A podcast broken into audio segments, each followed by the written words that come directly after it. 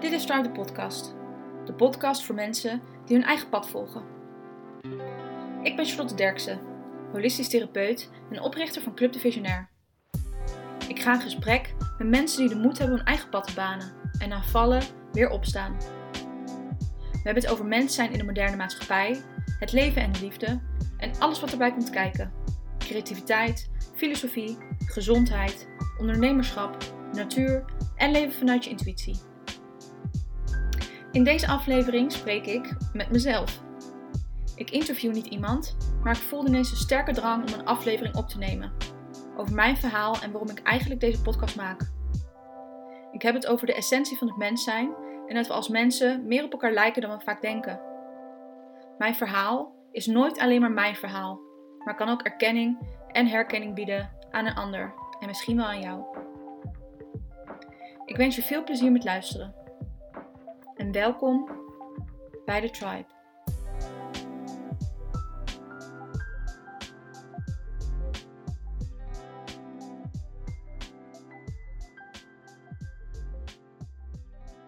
Vandaag ga ik niet iemand interviewen, maar interview ik mezelf.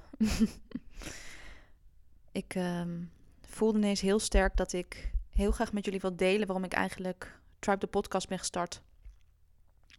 En waarom ik dan ook het hele land overreis om mensen te interviewen die in mijn ogen een voorbeeld zijn en die deel uitmaken van de tribe.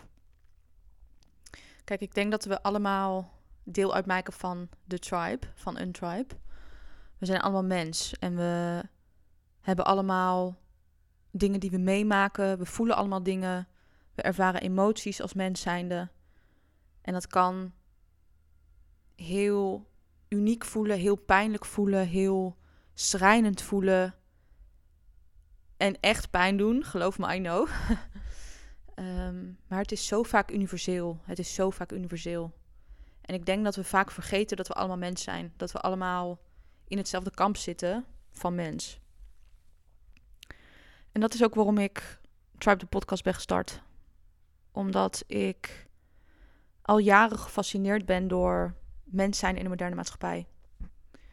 Toen ik een keer bij de alternatieve Elfstedentocht was in uh, de Wijze Zee in Oostenrijk, mocht ik mee. Een vriendin van mij, zij ging daar al meerdere keren mee naartoe. En uh, nou ja, dat is een evenement waarbij de Elfstedentocht wordt geschaatst, omdat dat in Nederland gewoon heel vaak niet meer kan.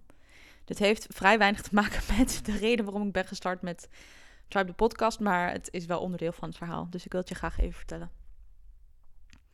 Dat is dus een meer, de Wijze Zee in Oostenrijk, waar jaarlijks duizenden mensen naartoe komen om dus de Elfstedentocht te, te schaatsen. De alternatieven, omdat de Elfstedentocht in Nederland gewoon niet kan. Een heel evenement, hele happening. Super vet om bij te zijn. En uh, een vriendin van mij die ging via haar studie journalistiek, ging daarmee naartoe.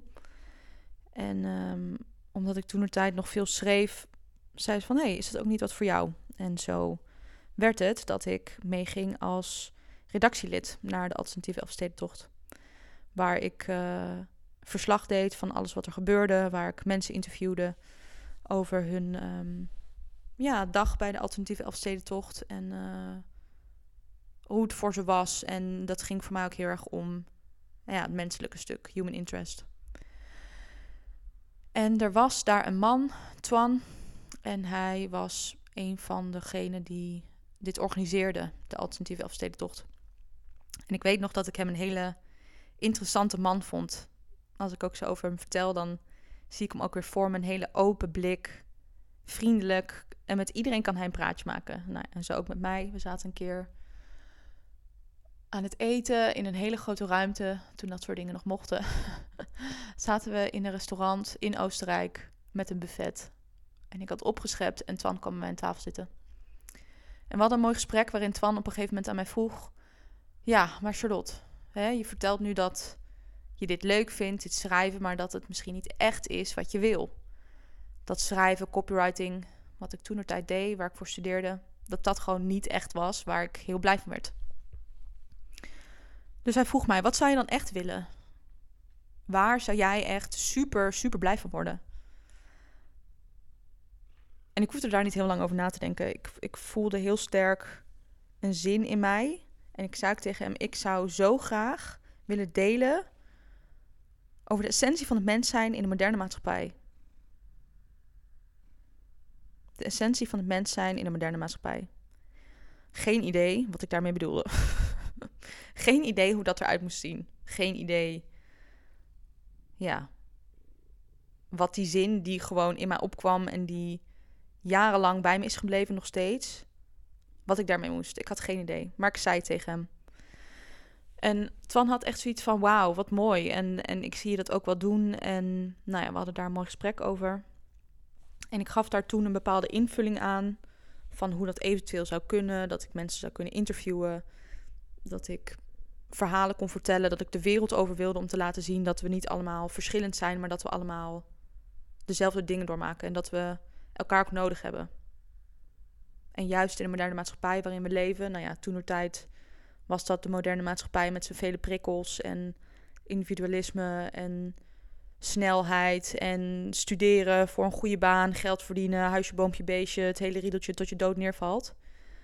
Uh, maar is er ook een andere weg? Dat was toen de maatschappij, de moderne maatschappij die ik bedoelde. En als we het nu natuurlijk hebben over de moderne maatschappij, dan leven we op 13 januari 2022 in weer een lockdown. Met een pandemie, met corona, met polariteit van wel gevaccineerd, niet gevaccineerd. En hoe ga je daar dan mee om? Dus die zin van de essentie van het mens zijn in de moderne maatschappij heeft een hele andere betekenis gekregen. En daar zal ik vast straks nog op terugkomen. Ik ben nu even heel erg aan het volgen wat er in me opkomt. Net zoals als ik iemand interview, bereid ik altijd iets voor. Ik stel vragen die ik heel graag wil stellen. Ik vraag luisteraars of ze mee willen denken of ze vragen willen stellen. En toch probeer ik me in een gesprek helemaal over te geven. Probeer zoveel mogelijk in het moment te zijn, in mijn lijf te zijn. Probeer, zoals ik heb geleerd in meditatie en in yoga, niet honderdduizend keer afgeleid te worden door mijn gedachten die er absoluut zijn. Mijn gedachten zijn er absoluut. Maar telkens terug naar: oké, wat is er nu? Oké, zij vertelt dit, hij vertelt dat. Kan ik dat werkelijk waar helemaal ontvangen? Kan ik er zijn? Kan ik hier zijn zonder dat ik me de hele tijd bezig hou met: oh, dit moet een goede podcast worden. Oh, dit moet zo zijn. Oh, dit moet zo gaan. Ik wil dit nog vragen, ik wil dat nog vragen. Nee. nee. Elke keer opnieuw kan ik hier zijn. Gewoon hier. In mezelf. Terwijl mijn podcastgast aan het vertellen is, naar aanleiding van een vraag die ik heb gesteld, kan ik echt luisteren. Kan ik luisteren zonder dat ik wil antwoorden? Kan ik luisteren zonder dat ik slim iets wil terugzeggen? Kan ik luisteren zonder dat ik iets moet, iets hoef, iets anders hoeft te doen, leuker hoeft te zijn, beter hoeft te zijn. En dat is nogal een uitdaging, toch? Om gewoon in het hier en nu te zijn. Hoe moeilijk is dat? Ja, als ik voor mezelf spreek, vind ik dat heel moeilijk. Ik ben inmiddels al acht of negen jaar bezig op dit pad van persoonlijke ontwikkeling, van terug mijn lijf in, van hoe moet het nou en, en zo moet het naar nee, wat werkt voor mij? En daarbij heb ik heel veel af te leren en heb ik telkens terug te komen in mijn lijf, in mijn hart, bij mijn ziel. Zo voel ik dat, mijn ziel, mijn hart, mijn lijf. Die vertellen me wat ik te doen heb. Maar ja, als ik naar mijn hoofd luister, naar die honderdduizend gedachten die elke tien seconden door mijn hoofd heen gaan, dan gaat het niet werken. Dus kan ik hier zijn? Kan ik hier zijn? En dat is wat ik in mijn werk heel erg leer, maar wat ik ook zelf leer en wat ik zelf ook moet leren. En ik denk ook dat you teach what you need the most.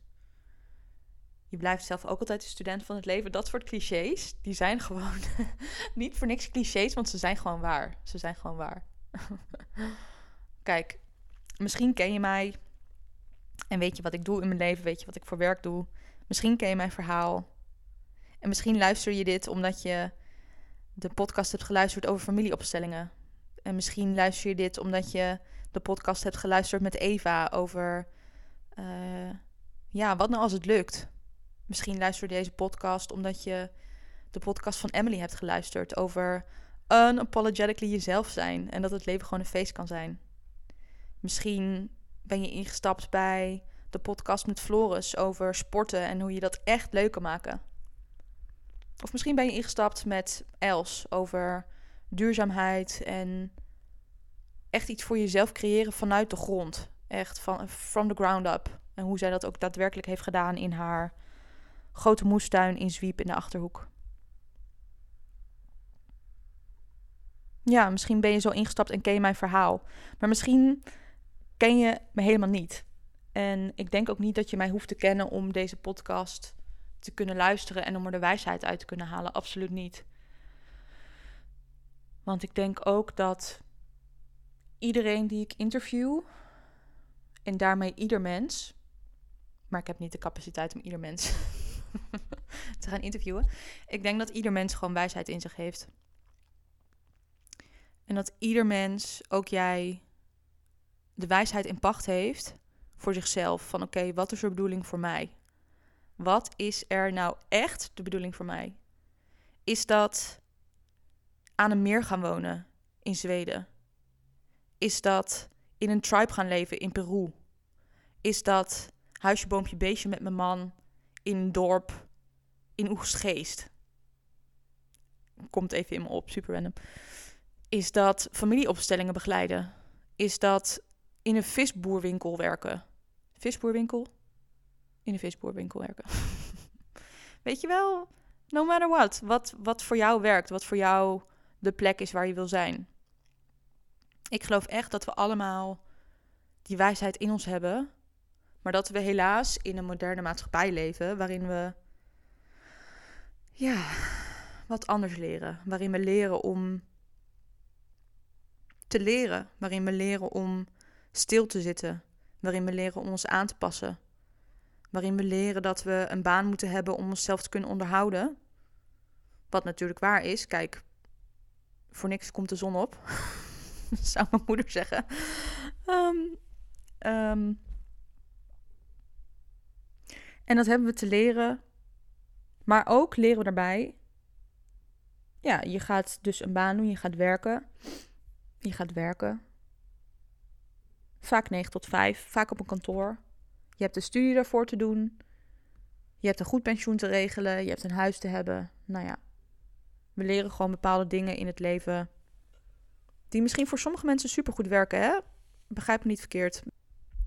Misschien luister jij en denk jij mij niet bellen voor zo'n tribe in Peru. Laat mij maar lekker gewoon mijn 9 tot 5 baan doen in een kantoortuin. helemaal blij mee. En als jij dat bent, ben ik helemaal blij voor jou, weet je? You do you. Jij moet echt doen waar jij blij van wordt. Maar waarom ik deze podcast ben gestart, is omdat ik dat zelf ook heb geleerd, weet je wel. Ik heb geleerd om stil te zitten. Ik heb geleerd om te studeren. Ik heb geleerd om een baan te hebben. Ik heb geleerd om geld te verdienen. Ik heb geleerd om me aan te passen, stil te zitten. En ik was echt fucking ongelukkig. Oh mijn god. Ik was fucking ongelukkig. Ik was 21 en ik had het allemaal, zeg maar, op het oog. Ik had alles. Super strak lijf. Super strakke huid. Prachtig huis. Ik deed een studie. Ik had een leuke vriend. Ik kon op vakantie. Ik had spaargeld. Ik had stufie. Ik kreeg nog geld van mijn vader erbij om, om me te helpen met mijn studie. Die betaalde mijn collegegeld. Ik had daarnaast een leuke baan. Ik zag vrienden. Alles kon. De wereld lag aan mijn voeten. Alles was mogelijk, weet je wel? Op het oog en, en zo geschreven was alles prachtig, perfect. En ik voelde me echt verschrikkelijk. Ik voelde me verschrikkelijk. Ik weet nog dat ik een paar jaar daarvoor, op mijn achttiende, was ik naar Amsterdam verhuisd. Iets wat ik al jaren wilde. Mijn tante woont in Amsterdam, dus ik ben opgegroeid in de Achterhoek. In een vrij kleine stad, Doetinchem. En mijn tante die woonde in Amsterdam. En daar gingen we dan regelmatig heen. En ik had zoiets van, oh later, als ik groot ben, ga ik in Amsterdam wonen. Ik ga in Amsterdam wonen. Ik weet niet wat jullie gaan doen, maar ik ga in Amsterdam wonen. Want daar gebeurt het, daar moet ik zijn. Nou, ik was naar Amsterdam verhuisd voor de studie taal en communicatie. Want ik wilde iets met mensen doen.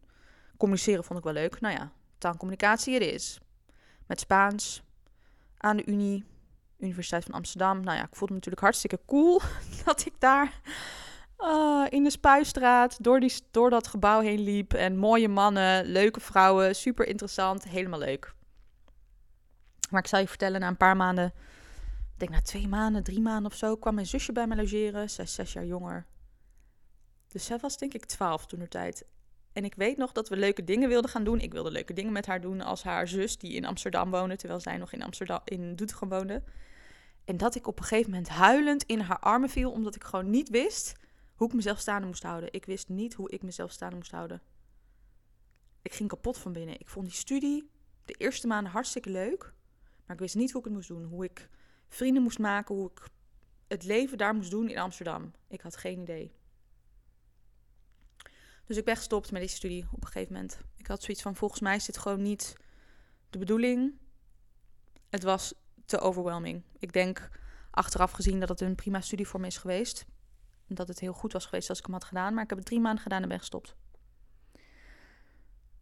En ik zou gewoon, ik moest en zou in Amsterdam blijven. Dus ik heb allerlei banen aangegrepen. Ik heb sieraden verkocht bij een winkel, Ticento. Ik heb uh, in de dierentuin Artis gewerkt. Waar ik uh, beroemdheden, bekende Nederlanders, op de foto zette. Ik was dat meisje dat als je binnenkomt, die dan vraagt: Oh, wil je leuk op de foto? ik verkocht Artis de in uh, de winkel van Artis. En zo heb ik nog veel meer banen gehad. Ik heb in de ING nog uh, koffie verkocht. Alles om maar gewoon te kunnen blijven wonen in Amsterdam. En tegelijkertijd ging ik bij een vereniging. Bij een vereniging um, die klein was. Ik wilde niet bij het koor. Maar ik had zoiets van, ik moet gewoon mensen leren kennen, weet je wel. Ik moet mensen leren kennen. Dus ik ben bij die vereniging gegaan. In het eerste jaar ben ik ook meteen lid geworden van het bestuur van het dispuut in die vereniging. Omdat het een uh, vrij nieuw dispuut was en zoiets hadden van, nou, die Charlotte, die heeft ambitie, die uh, is assertief. Hoppatee, let's go for it. Dus ik werd uh, bestuurslid van het dispuut. En toen al verzon ik smoesjes om niet elke dinsdag tot vier uur s'nachts daar te hoeven zijn in die soos. Want dat heet dan zo, een soos. Een soos waar je met allemaal jongeren bij elkaar komt. Waar heel veel bier is, waar wijn is. Waar je met z'n allen, nou ja, vaak wel staat te tongen. Waar je staat te praten, waar je staat te dansen, chansen, feesten. Maar ook waar je dus mensen leert kennen. En ik ben heel dankbaar hoor voor die tijd dat ik dat heb gedaan.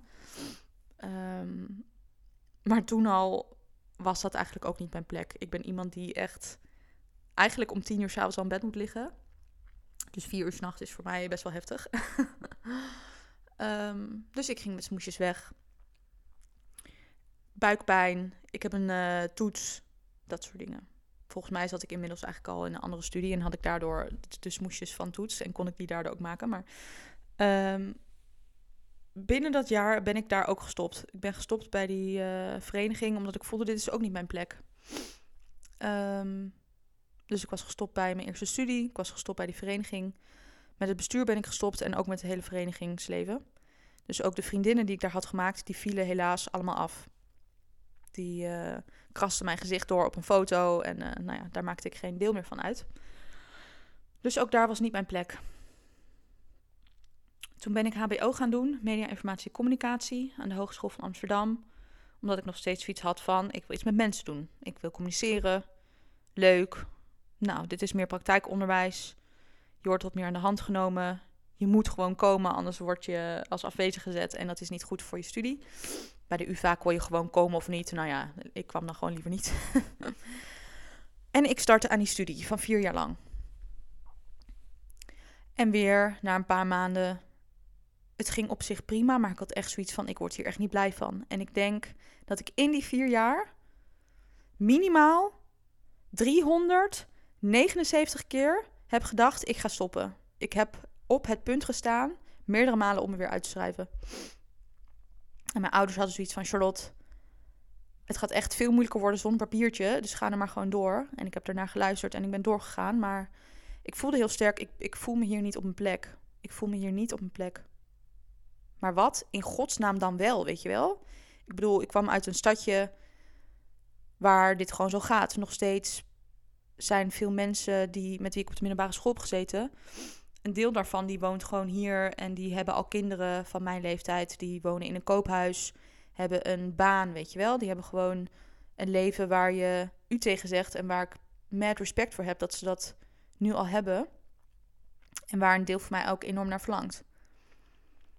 Maar ik voelde, that's not for me, weet je wel. Dat is echt niet de weg die ik te lopen heb. En ik zou willen dat het de weg is die ik te lopen heb, want het oogt makkelijker. Ik weet niet of het zo is.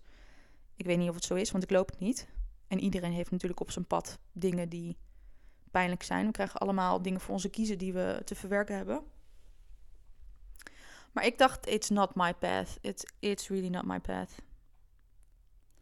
Dus ik zat in die studie me er doorheen te worstelen. Voelend, dit is niet mijn plek. Ik wist het echt niet. Maar wat ik wel wist, was dat ik wat van mijn leven ging maken. Ik had ambitie, ik zou wat van mijn leven maken. Ik zou wat van mijn leven maken. Hoe? Wist ik niet. Maakte niet uit. Ik ging wat van mijn leven maken. En toen het tijd werd voor een stage, had ik bedacht dat ik bij een uitgeverij stage zou gaan lopen. En um, ik had al een stage binnengesleept. Ik was bij meerdere uh, stages aangenomen. Ik had al een stage aangenomen. En ik kreeg elke week een brief, een nieuwsbrief, van 365 dagen succesvol van David en Arjan. Die had ik namelijk leren kennen omdat uh, de vrouw bij wie ik oppaste, bij mij om de hoek, met een heel leuk gezin, dat deed ik. Ik hield van kinderen, dus ik paste heel veel op. Zij was het jaarprogramma gaan doen bij 365 dagen succesvol. En ik dacht, sounds uh, good, weet je wel. 365 dagen succesvol zijn, uh, dat wil ik ook wel. Veel geld op de bank, kom maar. Dus ik had me ingeschreven voor de nieuwsbrief. Toen er tijd, nou ja, we spreken inmiddels denk ik over. Toen was ik 20, acht jaar geleden. Dus toen waren zij nog vrij nieuw in het hele persoonlijke ontwikkelingsvak. Ze deden dat super smooth. Ze komen allebei van Pepperminds, weten hoe verkopen werkt. En toen was dat nog in een zaaltje uh, in de Roos, in het Vondelpark, waar ze dan hele kleine kennismakingsseminars deden. Voor mensen die wel geïnteresseerd waren in 365 dagen succesvol. Inmiddels zijn David en Arjan super succesvol zelf.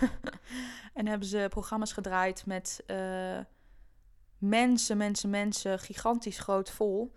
In AFAS live. Dus die zijn zelf ook, nou ja, uh, succesvol geworden in wat ze deden. Superleuk.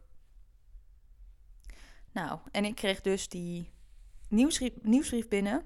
En ik werd daar gewoon door geprikkeld. Zij stuurde zinnen die je nu echt om de oren vliegen als je in het persoonlijk ontwikkelingsvak zit. Of je daarin begeeft en podcast luistert en boeken leest en naar cursussen gaat en seminars volgt en webinars en weet ik veel wat er allemaal is. Zij deden dat heel leuk en dat was toen nog heel nieuw. En ik was een guppy van, nou ja, 21 of 20. En ik werd geprikkeld en ik had zoiets van, volgens mij moet ik daar stage lopen. Dus ik ging hun mailen. Ik heb hen een mailtje gestuurd. En volgens mij zat ik binnen een week bij hen op kantoor met uh, Charis, een meisje die er ook werkte. En we waren toen nog een heel klein team. We waren met vijf mensen. En uh, zo was het dat ik bij 365 dagen succesvol ging werken. Het was oorspronkelijk als stage, maar eigenlijk werd het al heel snel gewoon een baan. En zo was het dat ik ineens in aanraking kwam met woorden als passie, met woorden als talent. Die jaarprogramma's die zaten stampvol met mensen die wilden leren, die op hun manier hun leven zo wilden creëren dat ze er blij van werden. Want de leus van 365 dagen succesvol is leef je beste jaar ooit, volgens mij. En hun missie was uh, van Nederland het gelukkigste land ter wereld maken. Dus in de jaarprogramma's ging je dan elke maand aan de hand van 12 stappen ja, eigenlijk in jezelf duiken. Kijken wat je passie is. Kijken wat je talent is. bij de vleet werd daar op het podium werd, werden daar familieopstellingen gedaan. Op het podium werd dan een vader opgesteld, een moeder opgesteld. Er werden exen losgelaten. Het, is echt, het was gigantisch geweldig. Super mooie tijd in mijn leven. Waarin we na de dag dansten met z'n allen. En het was echt fantastisch. En ik ben super dankbaar voor David en Arjan dat ik daar heb mogen werken. En dat ik daar kennis heb mogen maken met persoonlijke ontwikkeling. En het was daar voor het eerst dat ik dacht: hier ben ik op mijn plek. Weet je, hier voel ik me thuis. En ik had altijd gedacht dat mijn jeugd perfect, flawless was, geweldig. En nog steeds is het dat geweest. Maar ik besefte me ook dat ik heel veel dingen gewoon had weggestopt. Heel veel wat ik moeilijk heb gevonden. Heel veel wat ik ja, lastig vond. Waar ik mee liep en, en waar ik nergens mee terecht kon. Dat dat ook was gebeurd. En op het moment dat ik ben begonnen bij 365 was dat wel het startschot voor een nog diepere zoektocht. Want zoals ik straks al zei, op papier had ik alles, weet je. Strak lijf, goede baan, veel geld, goed huis, leuke vrienden. Supervolle agenda, racen van hot naar her, daten bij de vleet. En echt van binnen, oh, ging kapot. Ik had ook heel veel fysieke klachten. Tinnitus was begonnen, suis in mijn oor, prikkelbaar darmsyndroom. Ik had veel last van mijn buik. En op een gegeven moment kreeg ik ook uh, last van hormonen. Ik was gestopt met de pil en uh, nou ja, kwam aan en ik ging steeds slechter in mijn vel zitten. En de afgelopen acht jaar ben ik gewoon op een quest gegaan naar mezelf toe eigenlijk. Ik ben uh, door een soort van het mijnenveld van persoonlijke ontwikkeling, persoonlijke ontwikkeling gelopen. En daar heb ik heel veel geleerd. Heel veel geleerd. En um, ja, heel veel geleerd. Ik heb nog bij Cosmos Uitgevers gewerkt, bij het Spirituele Fonds, waarbij ik ook weer dus veel aan het lezen was over persoonlijke ontwikkeling. En uiteindelijk kwam ik er ook achter, ik wil niet meer de hele tijd lezen, weet je wel. Ik wil niet meer de hele tijd dingen lezen over hoe ik het moet doen. En toen kwam ik er dus achter, oké, ik heb gewoon door mijn shit heen te gaan. Dus ik heb alles geprobeerd. Ayahuasca, bijna gestorven in ayahuasca, gestorven in ayahuasca. Mezelf opnieuw geboren laten worden in ayahuasca.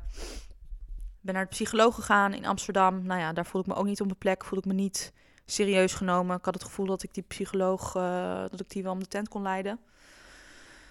Um, nou ja, noem het. En ik heb het geprobeerd. Waarschijnlijk net als vele anderen met mij die op dit pad zijn.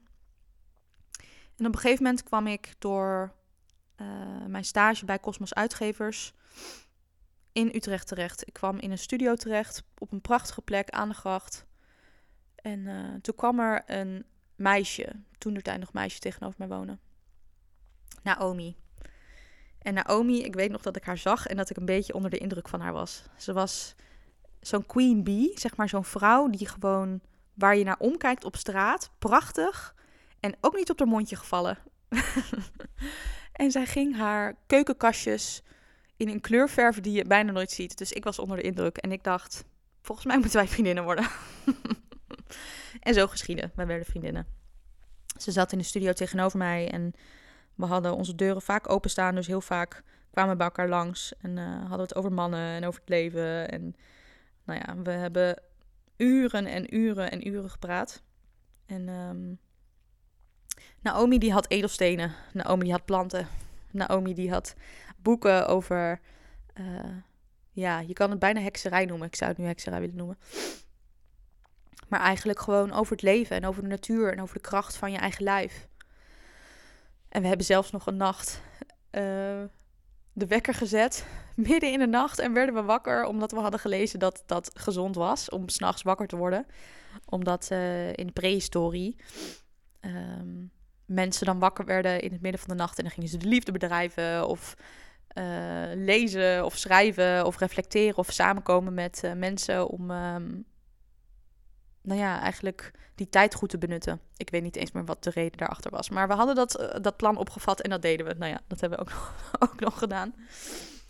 En um, Naomi die had vroeger al een keer Reiki gedaan en dat was voor haar heel natuurlijk. En zij begon bij Healing Space de Reiki 1 cursus. En ik had haar nog nooit van gehoord, joh, Reiki, huh? geen idee. Ik ben opgegroeid in een vrij rationele omgeving. Uh, ja, met, met de boodschap, je hersenen zijn... Je hersenen zijn een soort van je, je power, weet je wel. Je bent intelligent, dus je gaat het maken. Dus dat soort dingen. Ik had er nooit van gehoord. En zij ging uh, Reiki 2 doen. En ze begon een Reiki Practitioner opleiding. En uh, toen had ze dus mensen nodig op wie ze dat kon oefenen. Nou ja, ik stelde me graag op als haar uh, proefpersoon. We wonen inmiddels samen in Den Haag. En um, toen zei ze ook tegen mij van, nou, misschien is dat ook wel wat voor jou om te gaan doen. Weet je wel, misschien wel goed voor waar je tegenaan loopt, je onzekerheid. En Misschien is dat wel iets waar je ook blij van wordt. Nou, zo gezegd, zo gedaan. Ik begon ook met Reiki 1. En ik ging ook Reiki 2 doen. En ik ging ook Reiki Petitioner doen. En ik belandde in een heel aantal opleidingen bij Healing Space. Waar ik heel veel heb geleerd en waarvoor ik ook proefcliënten moest doen, moest hebben. Dus ik heb 40 behandelingen gegeven tijdens die opleiding. En um, ja, daar onwijs veel geleerd over trauma, over lichaamswerk, over energie, over hoe we in dit leven leven. En dat het niet altijd is zoals je hoeft te leven, weet je wel. Dus dat heb ik uh, doorgegaan. Ik ben in uh, geweest, Thailand, voor een yoga teacher training ben twee keer twee maanden in Bali geweest. Ik had zoiets van, oh, ik, ik wil daarheen. Ineens riep Bali mij, vijf, zes, zeven jaar geleden. Ben ik er twee keer geweest. Heb ik ook mijn scriptie daar geschreven voor mijn eigen uh, platform. Ik wilde heel graag een um, platform maken voor vrouwen zoals ik. En uh, ik was wel benieuwd wat hun contentbehoefte dan was. Dus nou ja, ik ging dat doen. Ik naar Bali. En in Bali, jongen. Oh, daar voelde ik me ook op mijn plek.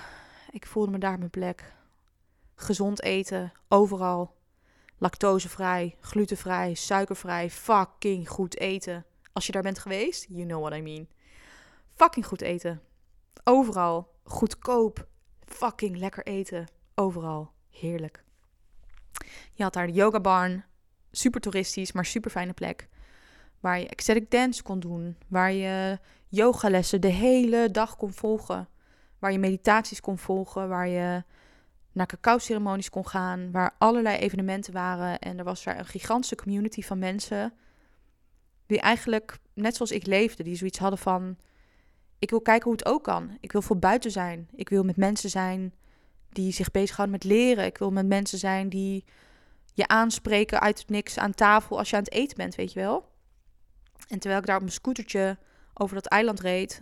Ik was vooral in Ubud, die vier maanden kwam ik telkens opnieuw diezelfde mensen tegen.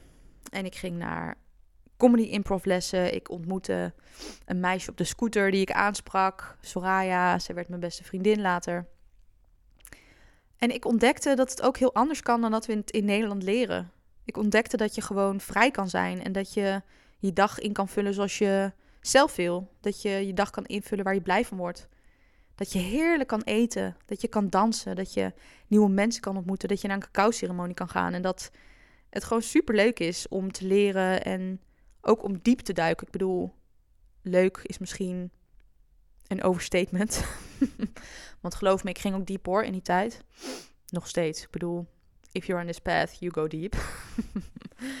ik denk wel eens, als je eenmaal op dit pad bent, dan, ja, dan ga je gewoon diep en dan is er geen weg meer terug of zo. Dan ben je gewoon bewust van wat er zich in je afspeelt. En kan je eigenlijk altijd in proces zijn.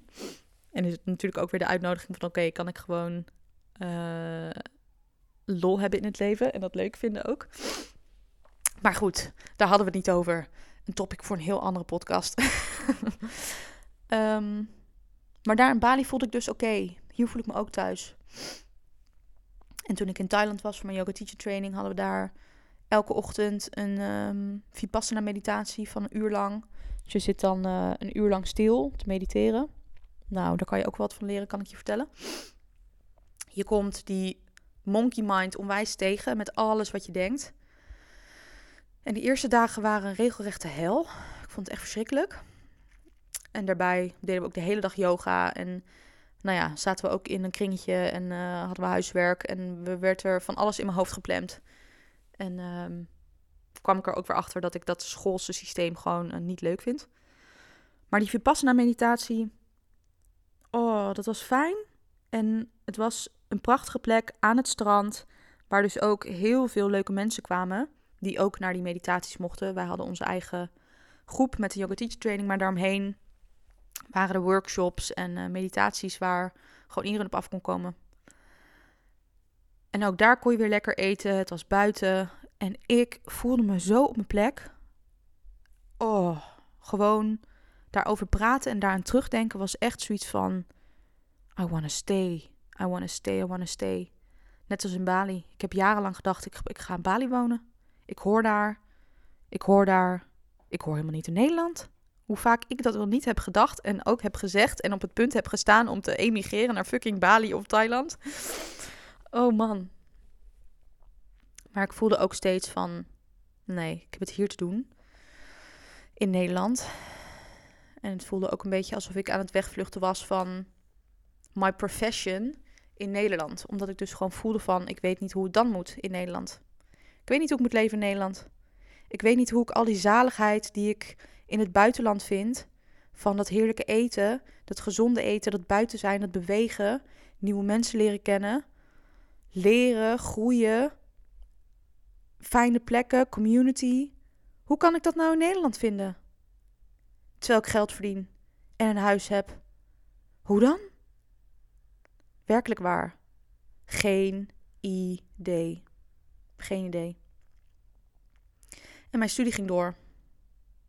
En ik studeerde af. Ik had daarnaast altijd baantjes. Ik had altijd meer dan genoeg geld gehad. Maar op een gegeven moment werd het anders en was het echt. Ik trok het niet meer om banen te hebben waar ik me gewoon niet meer op mijn plek voelde. Ik heb vanaf mijn twaalfde gewerkt. Heel veel gewerkt, heel veel geld verdiend. Op alle plekken waar ze maar iemand nodig hadden. Nou, ik startte daar.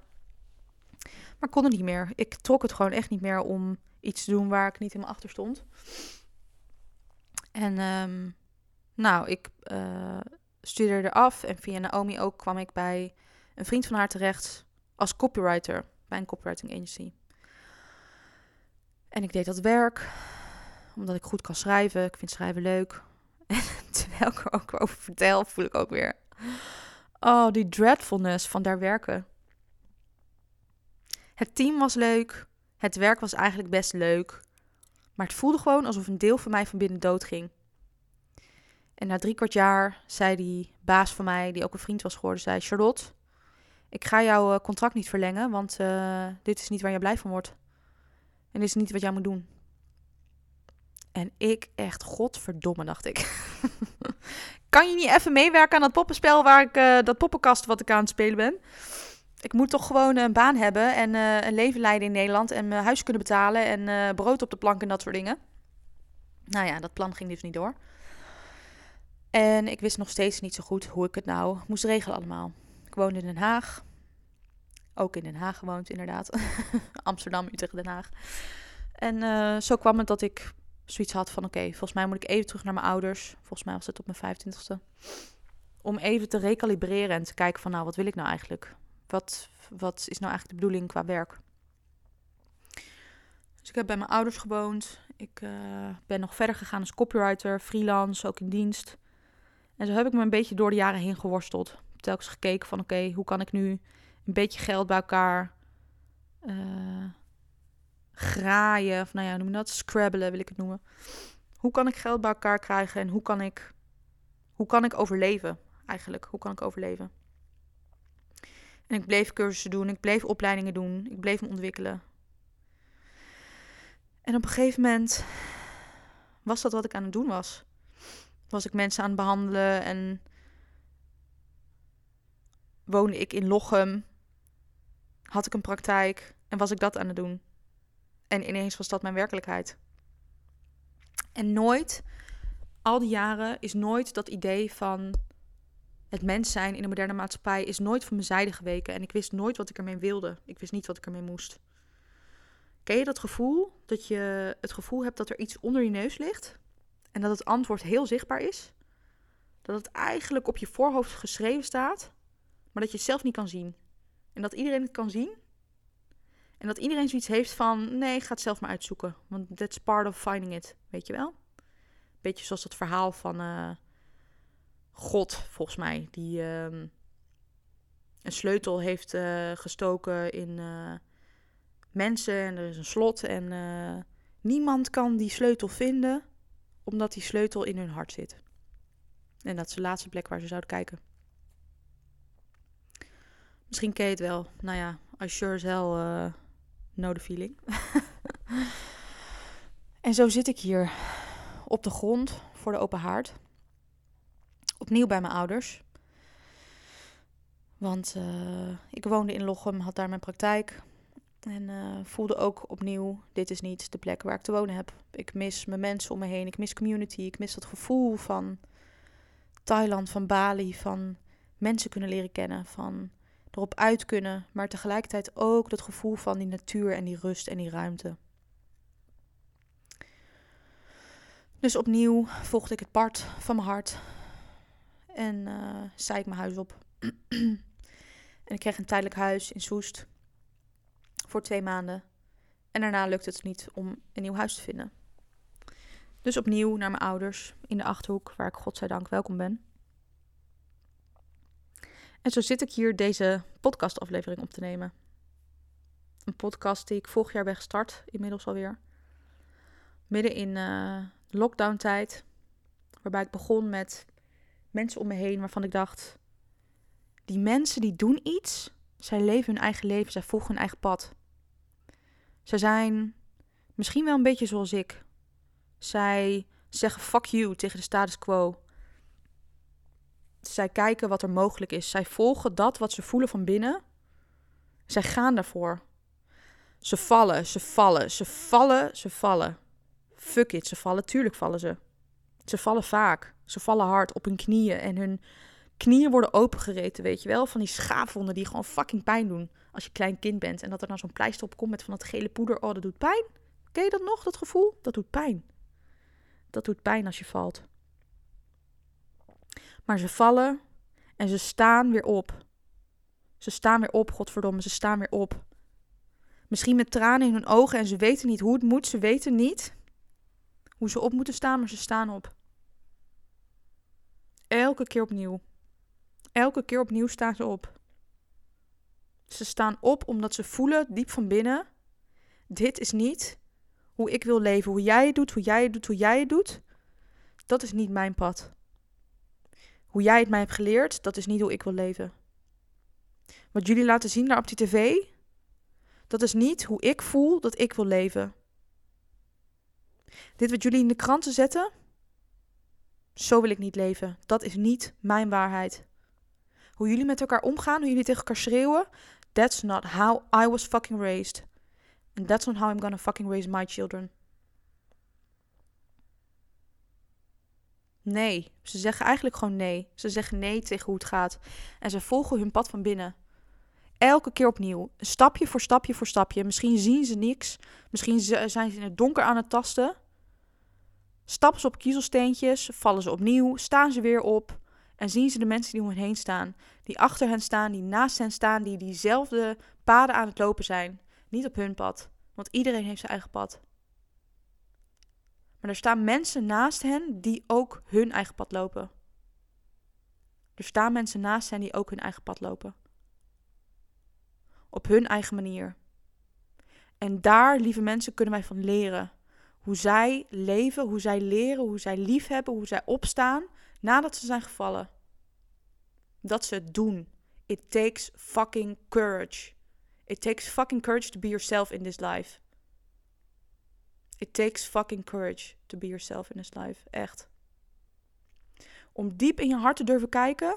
Om diep in je hart te durven kijken. En heel eerlijk, echt bloed fucking eerlijk te zijn over wat jij wil doen in het leven. En misschien zegt dan wel je moeder. Maar dat kan toch niet? Daar ga je echt je geld niet mee verdienen. Misschien zegt je vader wel, maar jij kan helemaal niet zingen. Misschien heeft die leraar wel tegen jou gezegd: Oh, maar jij bent zo'n klein misbaksel. Hou jij je mond eens even heel gedicht. Misschien ben je wel gepest. En voel je je klein bij de gedachte er alleen al aan. Misschien is er iets gebeurd, heb je misbruik meegemaakt, waardoor je gewoon niet gezien wil worden. Misschien is er iets gebeurd in je leven, is er een dode gevallen, is er iemand omgekomen waar je gigantisch veel van hield. En heb jij zoiets van, uh uh, I'm not gonna fucking live. Als hij is doodgegaan, als zij is gestorven, waarom zou ik dan wel leven? Waarom zou ik er wel wat van maken? Ik kan toch net zo goed naast hem gaan liggen daar op de grond? Onder de grond? Begraaf mij maar daarnaast. Kom maar. Begraaf mij maar.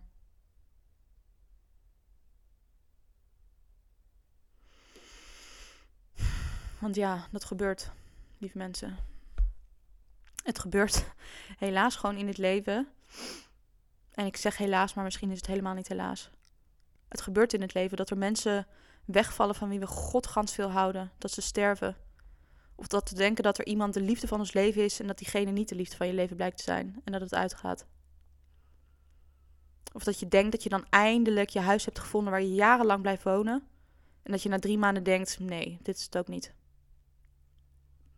Of dat je aan het reizen bent en je huis hebt opgezegd en dat je drie jaar lang wil gaan reizen en dat je na twee weken denkt: dit is het ook echt niet, ik wil terug.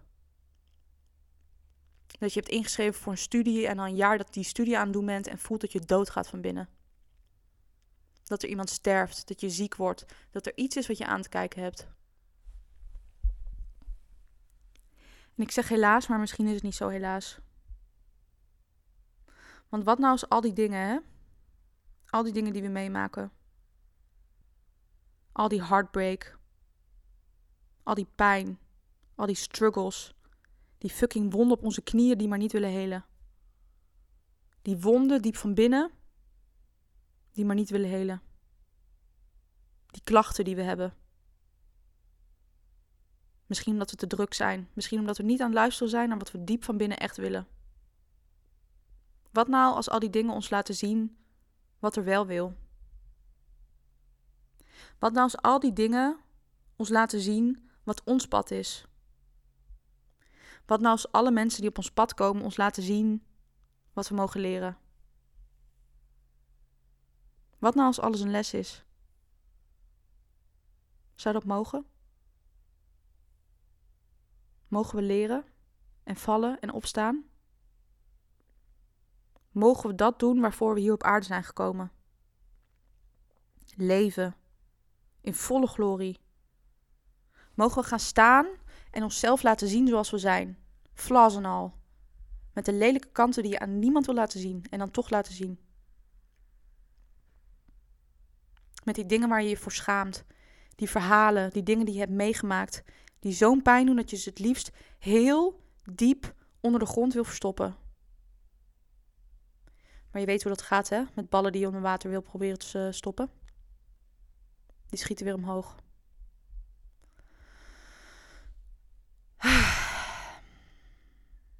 Dus ga pad. Dear one, ga pad. Ga op pad. Stapje voor stapje voor stapje. En durf erop te vertrouwen dat alles wat er gebeurt, dat dat je leidt naar wat de bedoeling is. Dat alles wat er gebeurt, dat dat je leidt naar jouw pad. Dat alles wat er gebeurt voor je is en niet tegen je. Ook al voelt dat soms wel zo. Ik kan je vertellen, hier vanaf de grond, voor de open haard, dat het heel vaak zo voelt. Is het leven tegen mij? Alweer weer geen huis kunnen vinden? Hoe in godsnaam? Hoe? Vaak heb ik het antwoord niet. Denk ik. En dan ga ik liggen op de grond. En dan hou ik mezelf heel stevig vast. En dan huil ik. Uit het diepste van mijn botten. En daarna is er rust. En mijn hart geeft me gewoon het antwoord als ik het vraag. Mijn hart geeft altijd het antwoord. Er leeft wijsheid in onze botten, in ons lijf. Als we maar durven luisteren, weet je? Als we naar buiten gaan. Als we buiten lopen in de stilte, tussen de bomen, tussen de bladeren, in het groen. En er stilte is. Als we iemand knuffelen die we onwijs lief hebben. Als we samenkomen in cirkels. Als we ruimte maken voor elkaar en luisteren om te horen. En niet om te antwoorden. Als we ergens zijn, daadwerkelijk. Als we bloed eerlijk zijn over wat er echt in ons leeft. Als we bloed eerlijk zijn naar die ander, wat er pijn doet. Als we bloed eerlijk zijn naar die ander, wat er nodig is. Als we bloed eerlijk zijn naar die ander als het misschien over is en het niet meer klopt. En je lang genoeg met elkaar hebt meegelopen op je pad. Het antwoord zit altijd in je. Altijd. En dat is dus ook waarom ik Tribe de podcast ben gestart. Om even terug te cirkelen naar het begin. Want waarom ben ik Tribe de podcast gestart? Omdat we allemaal een tribe zijn, mensen. We maken deel uit van dezelfde tribe. Niet van voor of tegen. Niet van jij wel, jij niet. Niet van de hele tijd maar tegenover elkaar staan. En ja, ook dat is met een bedoeling. Tuurlijk, in the grand scheme of things. Maar we zijn een tribe. We zijn allemaal mensen. We gaan allemaal door hetzelfde heen. Laten we lief zijn voor elkaar. Ieder bewandelt zijn eigen pad. Ieder heeft zijn eigen antwoorden. En soms hebben we daar echt wat hulp bij nodig. Is het van een professional? Is het van een coach? Is het van een boek dat je diep raakt in je hart? Is het van een podcast die je luistert en dat je een verhaal hoort wat je onwijs inspireert? Dat je denkt, oh, het is mogelijk, weet je, het is mogelijk, het kan. Als hij vandaar komt en dit heeft kunnen opbouwen, dan kan ik dat ook. Als zij vandaar komt en keihard is gevallen en toch weer is opgestaan en nu hier is, dan kan ik dat ook. Er zijn zoveel voorbeelden.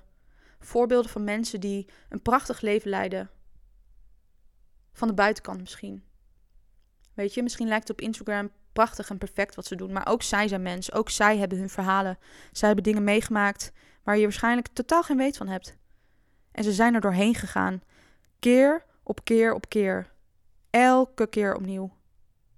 Opstaan. Vallen en weer opstaan. Dat is wat ze doen. En die mensen, die mensen die ik naast me heb staan, die ik achter me heb staan, die naast mij op dit pad lopen, die bloed eerlijk zijn, hart voorop, hoofd omhoog, rugrecht, die lopen stapje voor stapje voor stapje. Die mensen, die wil ik interviewen. Al die mensen, ik wil ze spreken. Ik wil horen hoe het voor hen is geweest. Ik wil ze vieren, ik wil ze eren. Want die mensen hebben we nodig in deze wereld. De mensen die eerlijk zijn, de mensen die kritisch zijn. De mensen die lief hebben, radicaal. Die eerlijk zijn, die hun ogen open hebben, die vragen durven te stellen. Dat zijn de mensen waar ik me mee wil omringen. Die ik wil interviewen om te vragen hoe ze het hebben gedaan, hoe ze er zijn gekomen.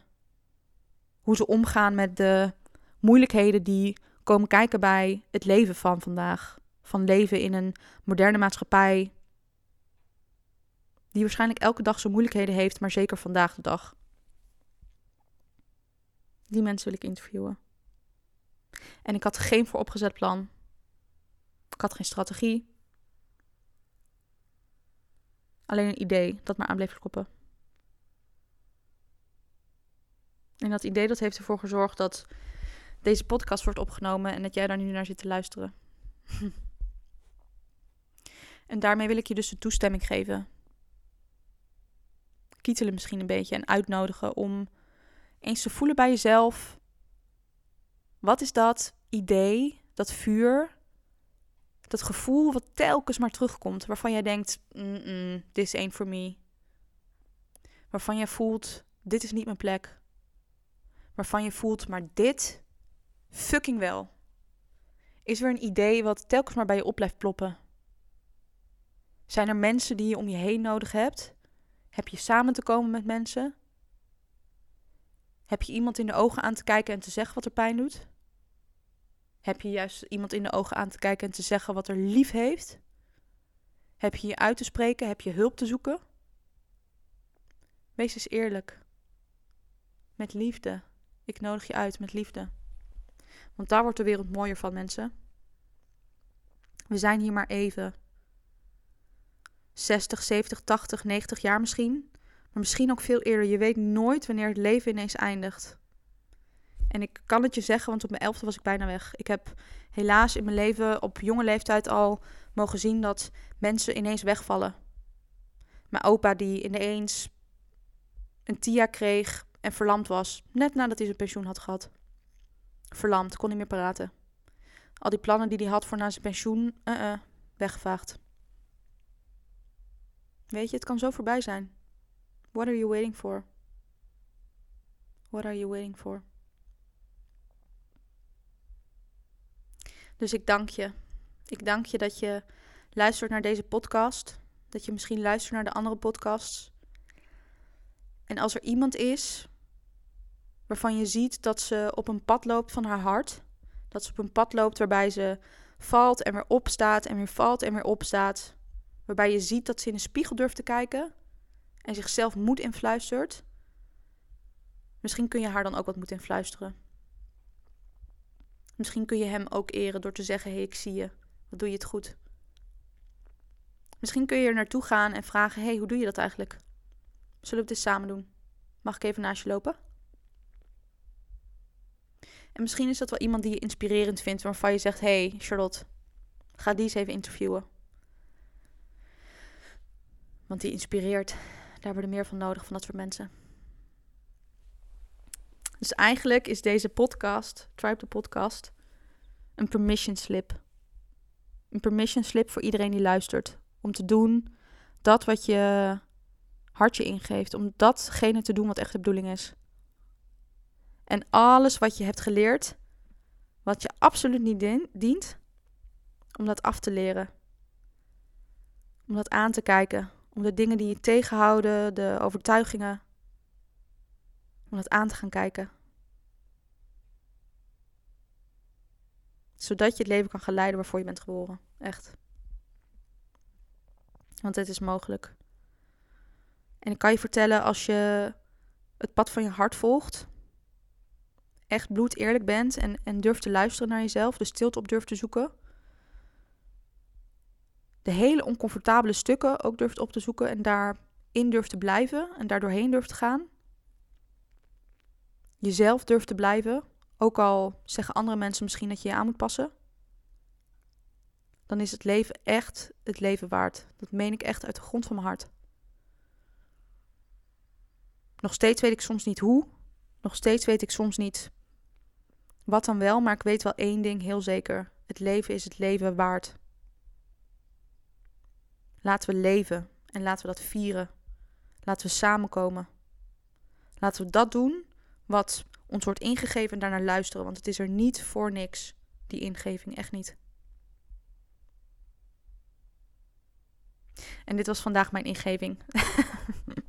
dat ik mijn podcastkeer moest pakken en mijn verhaal moest opnemen. En ik weet niet wie dit horen moest, maar er is vast iemand die dit heeft geluisterd en denkt: Frek.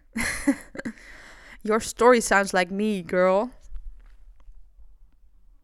En misschien is het een heel ander verhaal, want iedereen heeft zo zijn eigen verhalen. Maar weet dan dat alle emoties, dat het mens zijn ook universeel is. En you're never alone. Ook al voelt dat soms misschien zo. Dus als je wilt delen hoe deze podcast voor je is geweest, hoor ik dat heel graag. I'm rooting for you on this side of the screen. On this side of the phone, misschien als je het luistert via je telefoon. Rijk uit als het nodig is naar wie dan ook. I'm here. En ik wens je leven toe. Ik wens je leven. Dankjewel voor het luisteren.